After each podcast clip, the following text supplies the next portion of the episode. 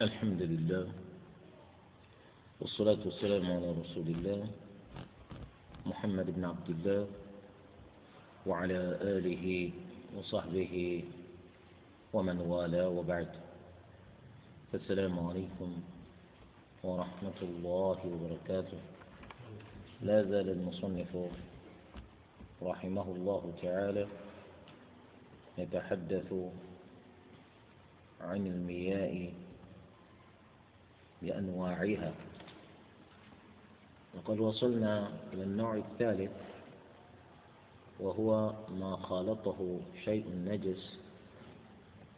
فالماء إذا خالطه شيء نجس فلا يخلو أن يغيره ما خالطه أو لا يغيره ذلك. فالماء إذا كان كثيرا وحل فيه شيء نجس وهذا الشيء النجس إن غير الماء في طعمه أو لونه أو ريحه فإن ذلك الماء لا يجوز استعماله لا في العادات ولا في العبادات. وذلك لزوال صفة الطهورية والطهارة عن ذلك الماء. لأن الماء الذي غيرته النجاسة هذا الماء يكون غير مطهر. وقد تقرر فيما سبق أن الماء الذي نتطهر به شرعا هو الماء الطهور. فإذا لم يكن الماء موصوفا بهذه الصفة أعني صفة الطهورية فإن ذلك الماء لا يجوز التطهر به. وبالإضافة إلى أن الماء لا يمكن أن يكون قد تغير بشيء نجس ويوصف بأنه طاهر. لا يوصف بأنه طاهر كذلك. وإن وإنما ينتقل الماء من طهوريته إلى طاهر إذا كان الذي غيره طاهرا. كالماء الذي غيره لبنا. فهذا الماء لا يقال له طهور ولكنه يقال له طاهر. وكونه طاهرا يجعله مما يجوز استعماله في العادات فيستعمل في طبخ الطعام وفي غسل الثياب. لكن إذا كانت النجاسة هي التي حلت في الماء فغيرت صفة من أوصاف الماء الثلاثة فإن ذلك الماء لا يوصف بأنه طهور كما أنه لا يوصف بأنه طاهر. لكن إذا كان الماء الذي حلت فيه النجاسة كثيرا والنجاسة التي حلت فيه لم تغير شيئا من أوصافه الثلاثة فيقول الفقهاء هذا الماء إذا بقي على أصله فهو يبقى طهورا. إذا بقي الماء على أصله بأن لم يتغير شيء من أوصافه الثلاثة فهو يبقى على أصله. فإذا تقرر هذا فمثل ذلك الماء لا حاجة لك إلى أن تذكر لغيرك بأن نجاسة حلت فيه لأن تلك النجاسة وجودها فيه كلا وجود لأنها لا تؤثر. فما دامت تلك النجاسة غير مؤثرة في الماء فإن ذلك الماء يبقى على أصله. بمعنى يبقى ماء مطلقا. ماء مطلقا. لكن هذا الكثير الذي لم تغيره النجسة هل له حد؟ حتى نقول الماء إذا إذا وصل إلى هذا الحد وحلت فيه النجاسة ولم تغيره تلك النجاسة فإن ذلك الماء يبقى طهورا. عند المالكية هم يقولون لا حد للكثرة في المذهب. المهم الماء إذا نظرت إليه بحيث تراه كثيرا وأنت ذو اعتبار وعقل. فرأيت بتصورك أنه كثير فهو كثير. ذلك لأن التحديد بحد في أمر شرعي يتوقف على وجود دليل شرعي وهذا الدليل الشرعي هو المتنازع فيه. يختلف الفقهاء. في الدليل الذي يدل على تحديد الكثير من القليل من المحن فخروجا من هذا الخلاف يقول المالكية لا حد للكثير لا حد للكثير. إذا يرجع في ذلك إلى العرف. فما تعارف الناس على أنه كثير كثير. وما تعارفوا على أنه قليل يبقى قليلا. هذا عند المالكية. عملا بعموم قول النبي صلى الله عليه وآله وسلم إن الماء طهور لا ينجسه شيء. إن الماء طهور لا ينجسه شيء. هذا هو المذهب عند المالكية. أنه لا حد للكثير. وعند الإمام الشافعي حد الكثير بقلتين. وهذا هو قول الحنابلة. وهذا هو قول الحنابلة. فإن الحنابلة أيضا حددوا الكثير من الماء بقلتين. وذلك لما جاء في الحديث أن النبي صلى الله عليه وآله وسلم يقول إذا بلغ الماء قلتين لم يحمل خبث إذا بلغ الماء قلتين لم يحمل خبثا وهذا الحديث اختلف العلماء في ثبوته وعدمه. منهم من لا يرى ثبوته. كالمالكية مثلا يرون أن هذا الحديث غير ثابت. ذلك لأنه مضطرب والاضطراب علة من العلل القادحة في ثبوت الحديث ليقبل. فالحافظ المغربي الإمام ابن عبد البر أشار إلى هذا. في كتابه التمهيد وفي كتابه الاستذكار. أشار إلى أن هذا الحديث مضطرب فهو بالتالي غير ثابت.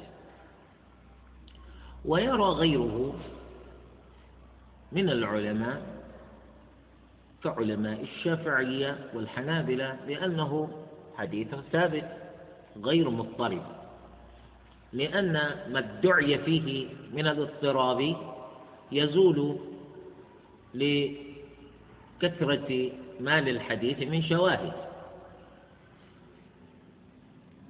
ذلك يعني القول بأنه مضطرب يعود إلى الاختلاف القائم بين الألفاظ التي بها روي هذا الحديث.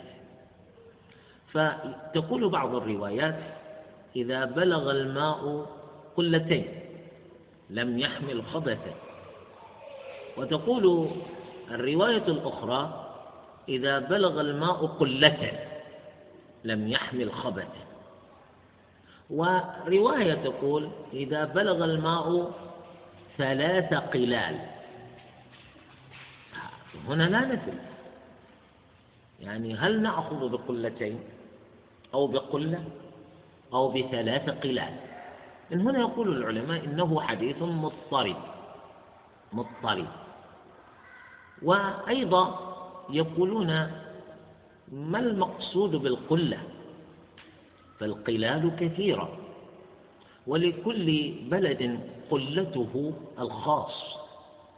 كما يعرف أنه يوجد قلة هجر ويوجد وتوجد قلة العراق. وربما قلة بلدة أخرى. فيقولون ما المقصود بالقلة؟ هل تريدون بذلك قلة هجر؟ أو قلة البحرين؟ أو قلة العراق؟ ماذا تريدون؟ الهجر طبعا في البحرين. فهنا يقولون لوجود هذا الاضطراب فإن هذا الحديث آه، مما لا يحتج به. ومن يرى أنه يحتج به جعله دليلا يحد به الكثير من الماء. أي إذا بلغ الماء قلتين لم يحمل خبثا حتى لو وقعت النجاسة في ذلك الماء فإن ذلك الماء لا يتغير بتلك النجاسة سيما إذا لم يتغير لونه ولا طعمه ولا ريحه. وحده الإمام أبي حنيفة رحمه الله حد الماء الكثير بأنه بأنه الماء الذي إذا حرك الإنسان طرفه لم يتحرك الطرف الآخر. يعني إذا إذا إذا إذا كان الماء في حوض أو بركة أو في طست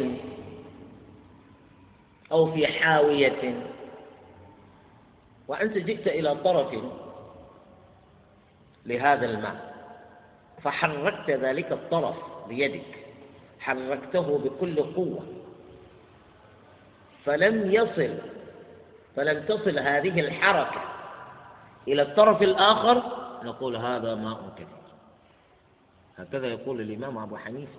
يعني الماء الذي إذا حركت طرفه لم تصل الحركة إلى الطرف الآخر.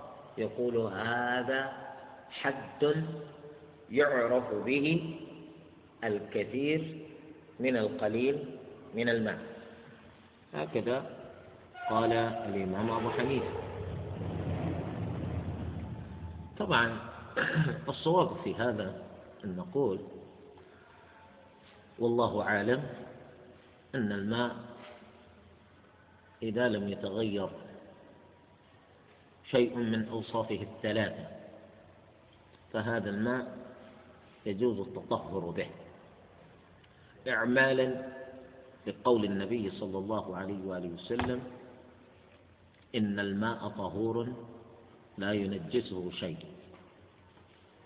وللإجماع المنعقد بين أهل العلم على أن الماء يوصف بأنه مطلق وبأنه طهور إذا لم يتغير شيء من أوصافه الثلاثة أعني لونه وريحه وطعمه.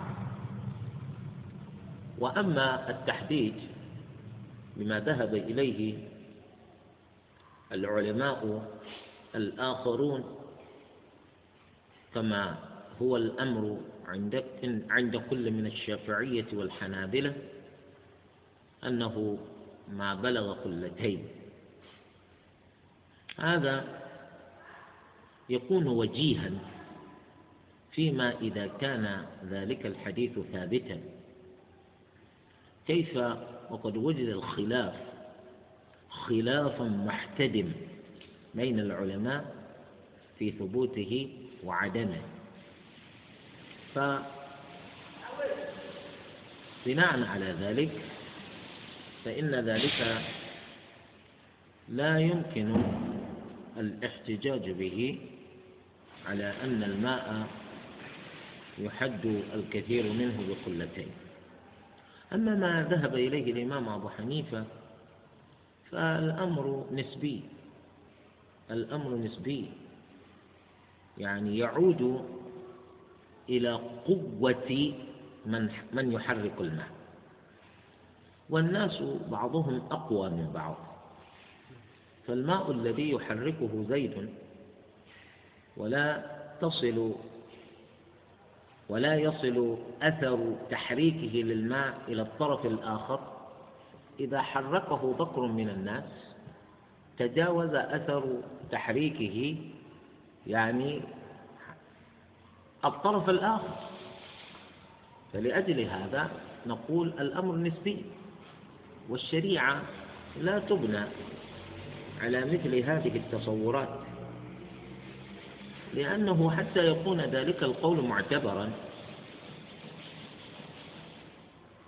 لكان الإمام مطالبا بتحديد السن الذي سيحرك الماء وبتحديد مدى قدرته وصلابة يده. أما أن تقول هو الذي إذا حركه الإنسان يعني أنت صبي إنسان الشاب إنسان الشيخ الكبير الفاني إنسان. إذا إذا حركه الإنسان لم لم لم لم يصل أثر تحريكه إلى الطرف الآخر الأمر نسبي ولا يمكن بناء أمر الشريعة على مثل تلك التصورات.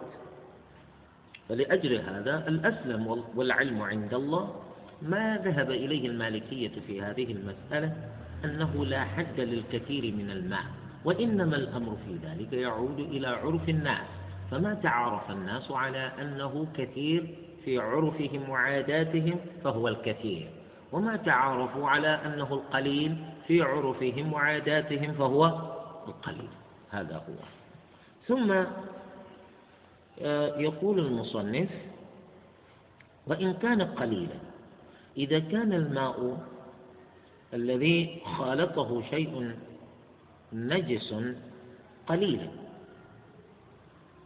ولكنه لم يتغير لم يتغير بما حل فيه يقول فهو نجس. وفاقا للشافعي وأبي حنيفة.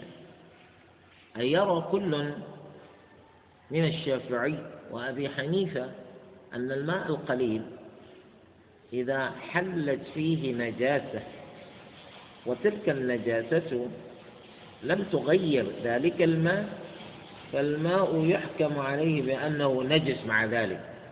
نظرا إلى قلته نظرا إلى قلته لأنه آه، مما يستصعب, يستصعب تصويره. يعني كيف؟ هذا الماء قليل وقد دخلت فيه نجاسة قليلة يعني القول بأن هذه النجاسة لا تؤثر في هذا الماء يحتاج إلى التدقيق الشديد. خروجا من هذا كله نقول هو أيضا نجس. لكن كيف يقال إنه نجس؟ وهو لم يتغير لونه ولم يتغير طعمه ولم ولم ولم ولم تتغير ريحه. إذا كيف تقولون إنه نجس؟ لذلك قيل مكروه.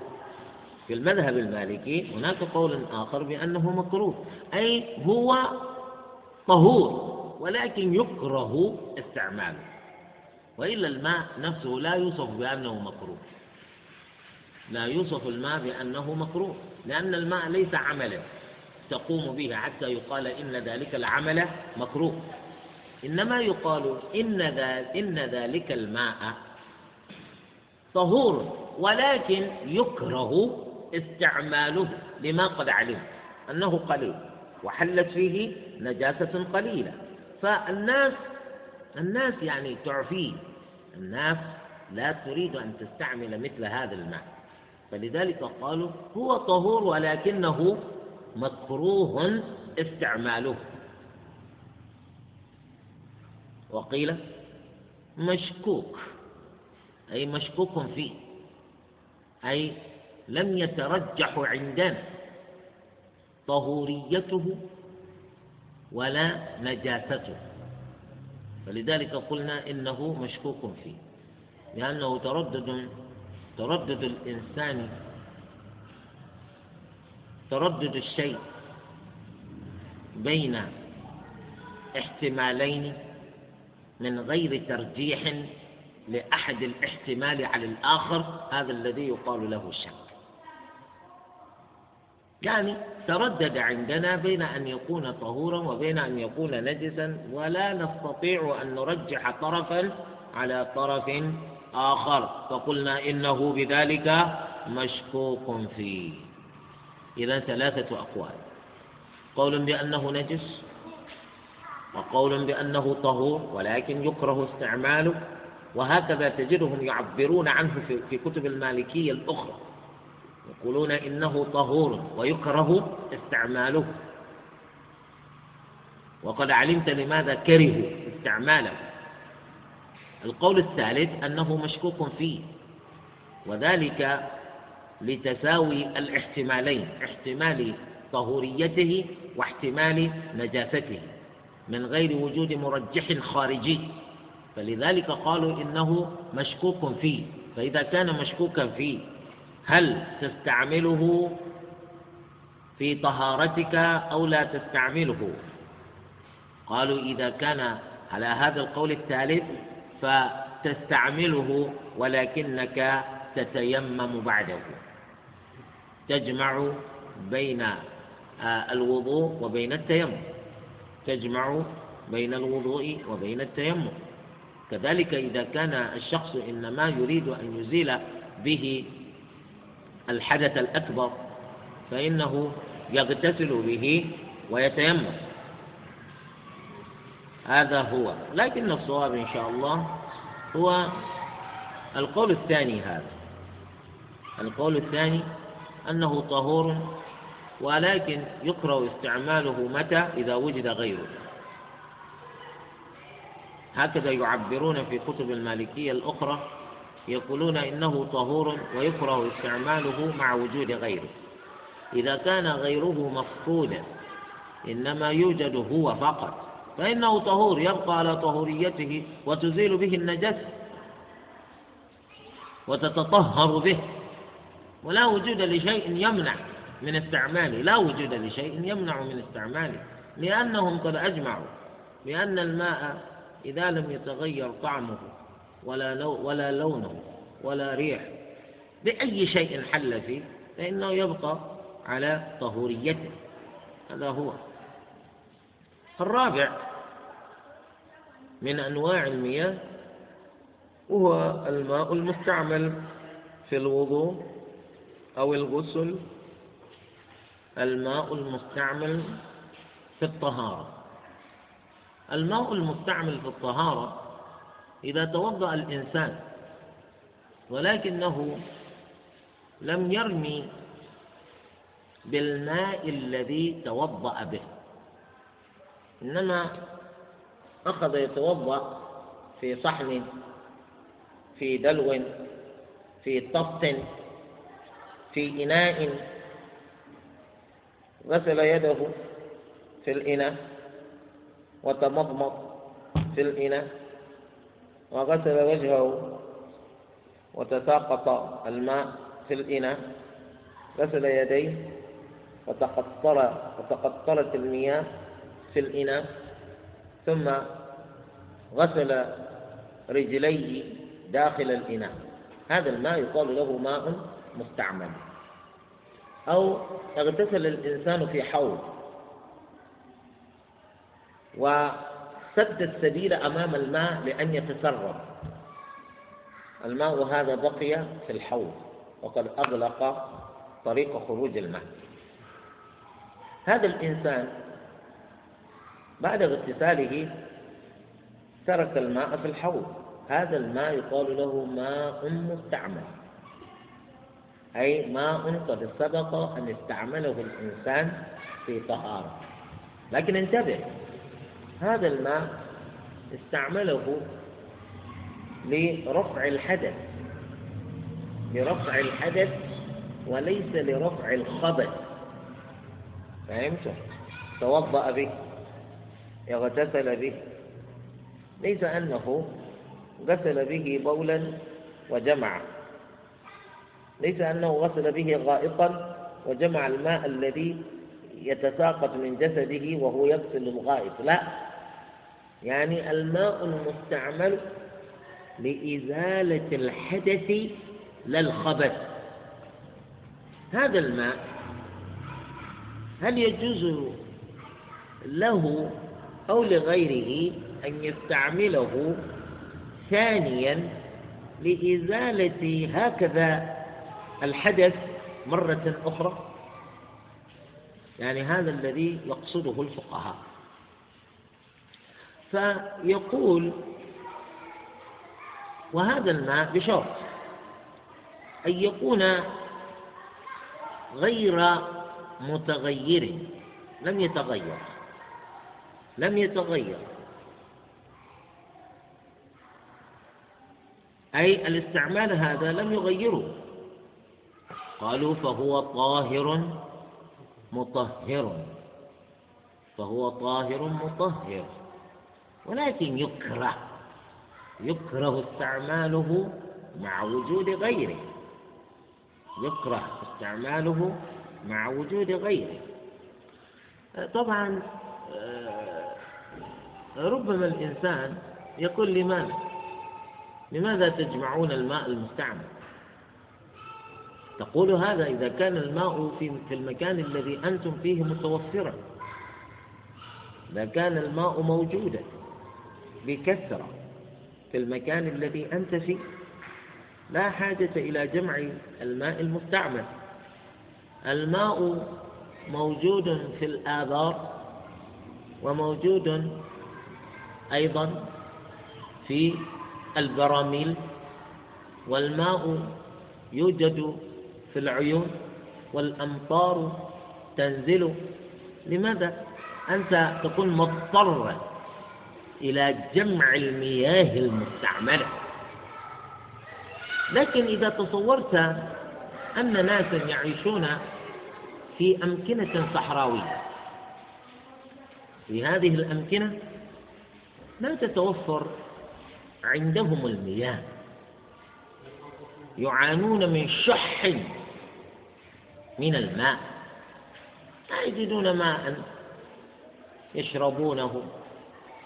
يعدون به أطعمتهم يغسلون به ثيابهم يتطهرون به للعبادة الماء عندهم قليل للغاية.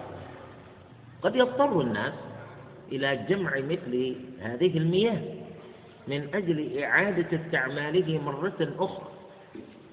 طبعا ليس أمرا غريبا لأن البلدان تختلف. البلدان تختلف من حيث توفر المياه وشحها. فلأجل هذا ليس أمرا غريبا. طبعا فالقول الأول عند المالكية يقولون هو طاهر مطهر. لماذا؟ لأنه إنما استعمل إنما استعمل للطهارة. الطهارة هذا طهارة من الحدث للطهارة من الخبث. فلذلك يجوز استعماله لأنه طاهر ومطهر لا سيما وقد سبق وقد سبق أن ذكر المصنف أنه ماء وإن استعمل إلا أنه لم يتغير. لا في اللون ولا في الطعم ولا في الريح. فلأجل هذا يقول طاهر ومطهر ولكن يكره. لماذا يكره؟ لأن النفس لأن النفس تعفيه النفس يعني تكره استعمال مثل هذا الماء فهمتم؟ ها نفس الإنسان تعفي مثل هذا الماء لا تريد من الإنسان أن يستعمل مثله لأن غيرك غسل به يده غيرك غسل به وجهه غيرك تمضمض به شفت كيف؟ حتى لو قلنا ما تمضمض به ما رماه في الداخل لو كان الأمر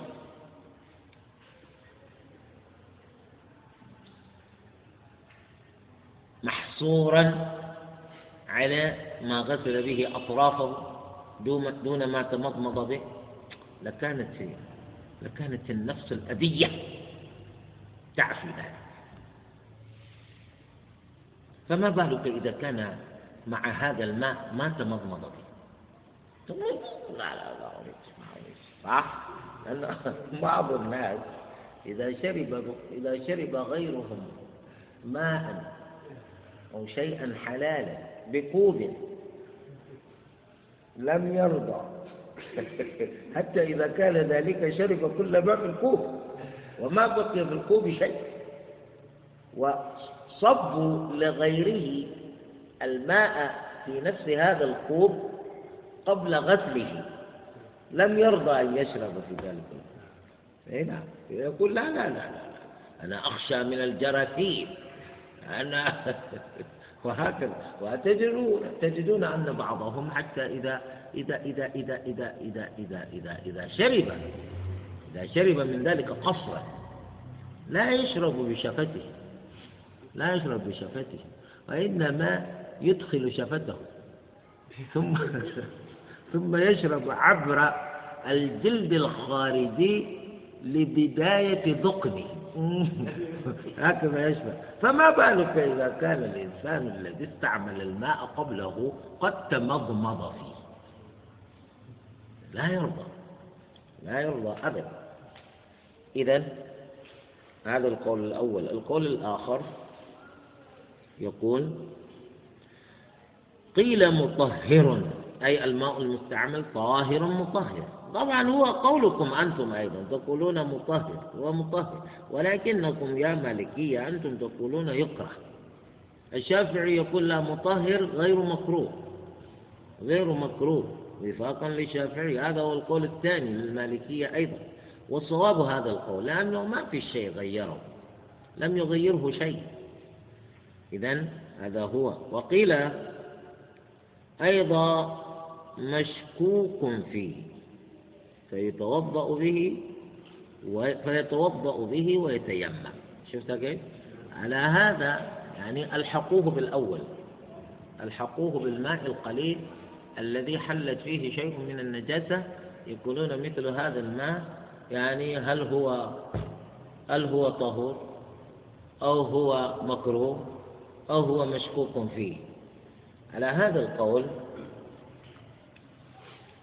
يكون مترددا بين أن يكون طهورا وبين أن يكون نجسا. أما هنا لما قالوا مشكوك فيه أي مشكوك في أنه طهور أو طاهر. الأول مشكوك فيه هل هو طهور أو نجس. هذا مشكوك فيه هل هو طهور أو طاهر. بدليل أنه إنما يجوز الوضوء بالماء الطهور لا الماء الطاهر لأنك لا لا تتوضأ بماء الشاي ولا تتوضأ بماء اللبن إنما تتوضأ بالماء المطلق. وهذا صفة الإطلاق قد زالت عنه. هذا في نظر من قال مشكوك فيه. يقول هل بقي مطلقا أو زال عنه زالت عنه صفة الإطلاق؟ من هنا يقول مشكوك فيه ما ندري. ما ندري.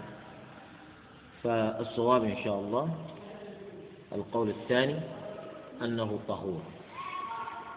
لأنه لم يتغير شيء من أوصافه الثلاثة فلا نجد مندوحة في الحكم عليه بأنه طهور. لا نجد بدا في الحكم عليه بأنه طهور لأنه لم يتغير شيء من أوصافه. الثلاثة. أي نعم. وقال أبو حنيفة هذا القول الرابع نجس. الماء المستعمل نجس. كيف صار نجسا؟ يا إمام كيف صار الماء المستعمل نجسا؟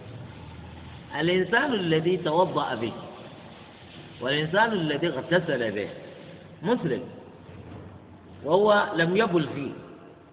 أكرمكم الله لم يتغوط فيه. كيف تقول إنه صار نجسا؟ بأي دليل؟ يقولون هذا من أغرب أقوال الإمام أبي حنيفة. هذا من أغرب أقوال الإمام أبي حنيفة. يعني كيف تحكم على الماء المستعمل بأنه نجس؟ ما الذي صيره نجسا؟ والنبي صلى الله عليه وآله وسلم يقول في الحديث الثابت إن المؤمن لا ينجس. إن المؤمن لا ينجس. إذا استعمال المسلم لهذا الماء هل هو الذي يجعله نجسا؟ والله عز وجل إنما قال إنما المشركون نجس. والنبي صلى الله عليه وسلم يقول سبحان الله إن المؤمن لا ينجس. حتى كما سيأتي لو كان الكافر المشرك شرب من من ماء وهذا الماء لم يتغير طعمه ولا لونه ولا ريحه. هذا الماء يجوز استعماله في العبادات حتى. هذا يقول له سؤر. سؤر أي بقية ما شرب الإنسان. بقية ما شرب الحيوان. يقال له باللغة العربية سؤر إذا كان ذلك كذلك كيف تقول هذا نجس؟ الصحابة رضوان الله عليهم كانوا يتسابقون في ماء وضوء النبي صلى الله عليه وسلم وهو يتوضأ. الكل منهم يريد أن يسقط شيء من ذلك الماء على جلده. إذا كان النبي يتوضأ تجدونهم يبسطون أيديهم تحت يده حتى تسقط عليهم قطرات الماء. والنبي يتوضأ. لأن ذلك بركة. هذا باتفاق العلماء. لو كان الماء المستعمل نجسا هل الصحابة يفعلون ذلك؟ لكن أبو حنيفة يقول هذا خاص بالنبي أما الماء المستعمل من قبل غير النبي صلى الله عليه وسلم فهو نجس كيف يكون نجسا؟ كيف يكون نجسا؟ ويقول العلماء النبي صلى الله عليه وسلم كان قد منع الرجل من استعمال فضل المرأة ونهى المرأة من استعمال فضل الرجل بل قال فليغترفا جميعا. يعني إذا إذا اغتسلت المرأة بالماء وبقي شيء من ذلك الماء لا يغتسل به الرجل.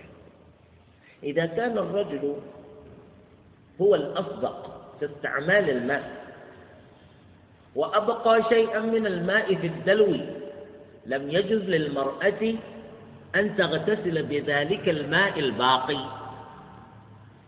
هذا في البداية. نهى النبي صلى الله عليه وسلم كلا منهما وقال فليغترفا جميعا أي يدخلان أيديهما في الماء معا. أنت وزوجتك تغتسلان معا تأخذ الماء هي تأخذ. تأخذ وأنت تأخذ. أما أن تكون إنما تستعمل فضلها لا. أو هي تستعمل فضلك لا. الفضل أي ما بقي عندك. هذا في البداية. ثم جاء النبي صلى الله عليه وسلم يوما يغتسل في بيت ميمونة. فذكر ذكرت ميمونة بأنها كانت جنبا. فاغتسل النبي صلى الله عليه وسلم بذلك الماء المتبقي وقال إن الماء لا يجنب. إن الماء لا يجنب. أنت الجنب الماء لا يقال له جنب. وهو الذي منع الرجل والمرأة من استعمال كل منهما فضل الآخر وإنما أباح الاغتراف معا لكن هو هنا لا. استعمل فضل ميمونة. فعلم بذلك أن آه، الأمر الأول نسخ. وهذا ما يقول له ناسخ ومنصوب إذا كان ذلك كذلك آه والشاهد أن الماء المتبقي في الدلو وأنت تغتسل. لست تغتسل في الدلو هذا الماء طهور. لكن لا يمكن أن يكون خالصا من وقوع الماء المستعمل فيه. لا يمكن. أنت تغتسل والماء في جسدك. جئت تأخذ ماء جئت لتأخذ ماء آخر ماذا ماذا ماذا يقع؟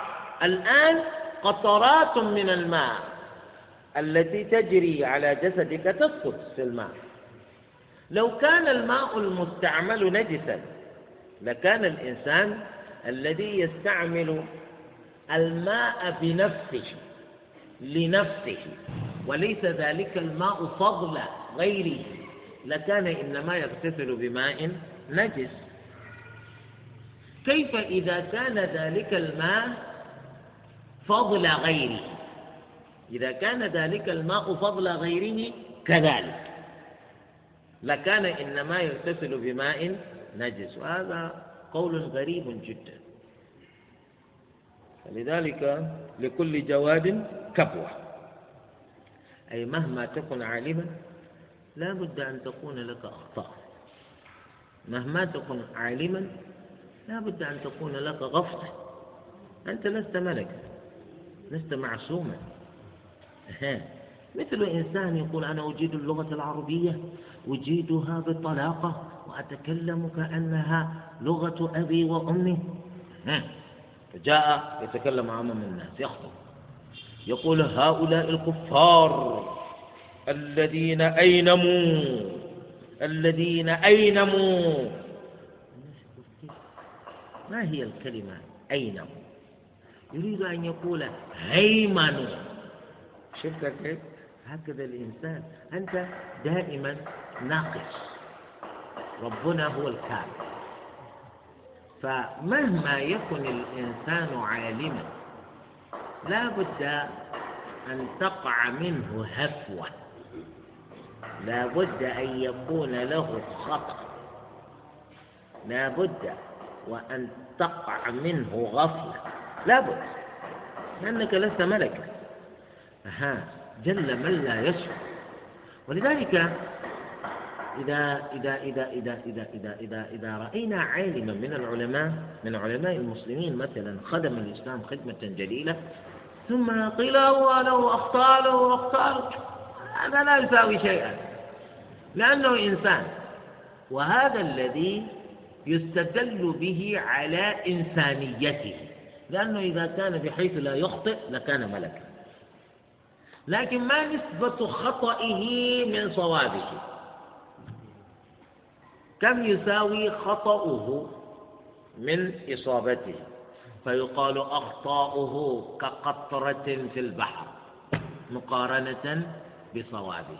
مثل ما يأتي واحد الآن يقول الألباني هذا يصحح ما هو ضعيف ويضعف ما هو صحيح. هات الأمثلة. فجاء بعشرة أمثلة. فنقول زد زدنا زدنا نريد الزيادة زدنا. يقول لا نكتفي بهذا. نقول ما نكتفي. ما نكتفي. لأنك لم تستطع إلا أن تأتي بعشرة أمثلة معنى ذلك أنت ما جئت بشيء. كم تساوي عشر في الأحاديث التي أصاب فيها الألباني؟ أو إنك تعاني من حسد. هذا حسد. كذلك عالم من العلماء كان يفتي في المسائل الفقهية. ثم أنت تقول أخطاء فلان. فجئت بسبعة أخطاء. ثم تقول وهكذا يضلل الناس. يا أخي زدنا نريد الزيادة. أنت لما جئت بسبعة أمثلة هذا الرجل له سبعين ألف فتوى. شفت كيف؟ في كل في كل عشرة آلاف فتوى تأتي بمثال. أنت إنما وجدت خطأ واحدا ثم تقول أخطاء فلان. يا أخي ما عندك شيء. اسكت. وأنت نفسك لو دقق الناس فيك وأجروا فيك بحثا لوجدوك كلك أخطأ. لوجدوك كلك أخطأ. ما عندك شيء. أصبت فيه حتى الذي قلت هذا خطأ. فلذلك شيخ الإمام أبو حنيفة رحمه الله هذا لا يقلل من مكانته أبدا. هذا إمام المسلمين في الفقه بلا منازعة. هذا عالم كبير جدا جدا جدا. فكونه أخطأ هنا مالك أخطأ هناك شافعي أخطأ هناك أحمد بن حنبل. هذا لا ينقص من قدره. لا ينقص من قدره. نعم. وفضل الجنب والحائض طاهر مطهر أي الماء الذي أبقاه الجنب حين اغتسل. الماء الذي أبقته الحائض حين اغتسلت هذا الماء طهور مطهر. طاهر مطهر.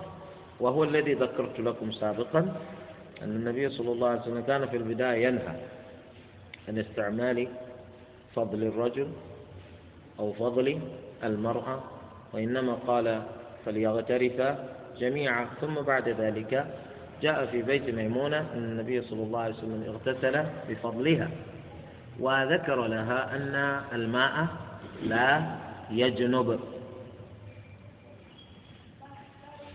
ولكن يكره مع وجود غيره. مطاهر مطهر ويجوز أن يتطهر الرجل بفضل المرأة خلافا لابن حنبل. ابن حنبل هذا له قول. ويقول لا يجوز للرجل أن يغتسل بفضل المرأة ولا يجوز ولا يجوز للمرأة أن تغتسل بفضل الرجل. هذا هو الأمر الأول كما جاء بذلك آه كما جاءت بذلك السنة. لكن هذا نسخ. هذا نسخ. حتى ابن حنبل ليس جامدا. عنده قول. فهذا عنده قول آخر. لأن أحمد بن حنبل رحمه الله عنده أقوال.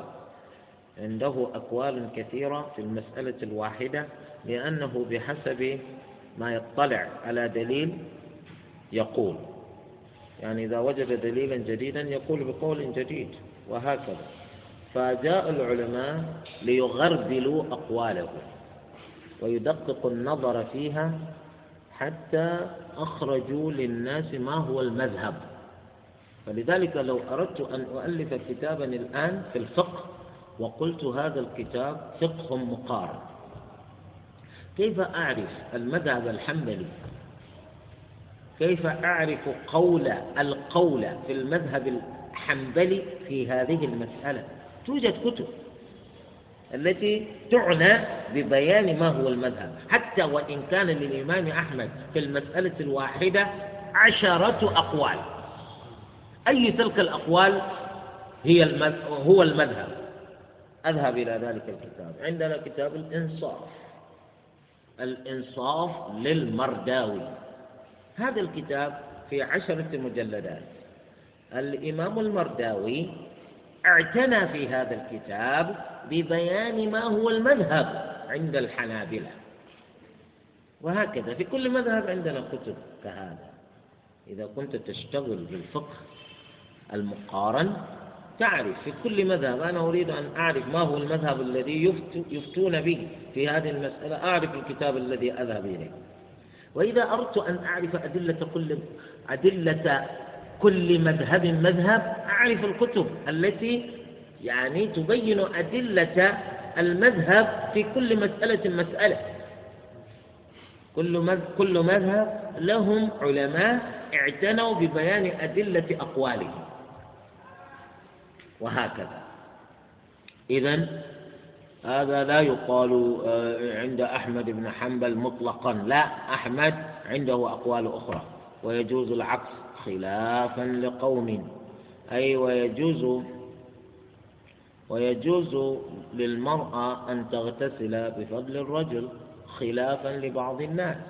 الصواب أن هذا نسخ نسخ وصار الأمر مباحا يباح للرجل أن يغتسل بفضل المرأة كما يباح للمرأة أن تغتسل بفضل الرجل. هذا هو.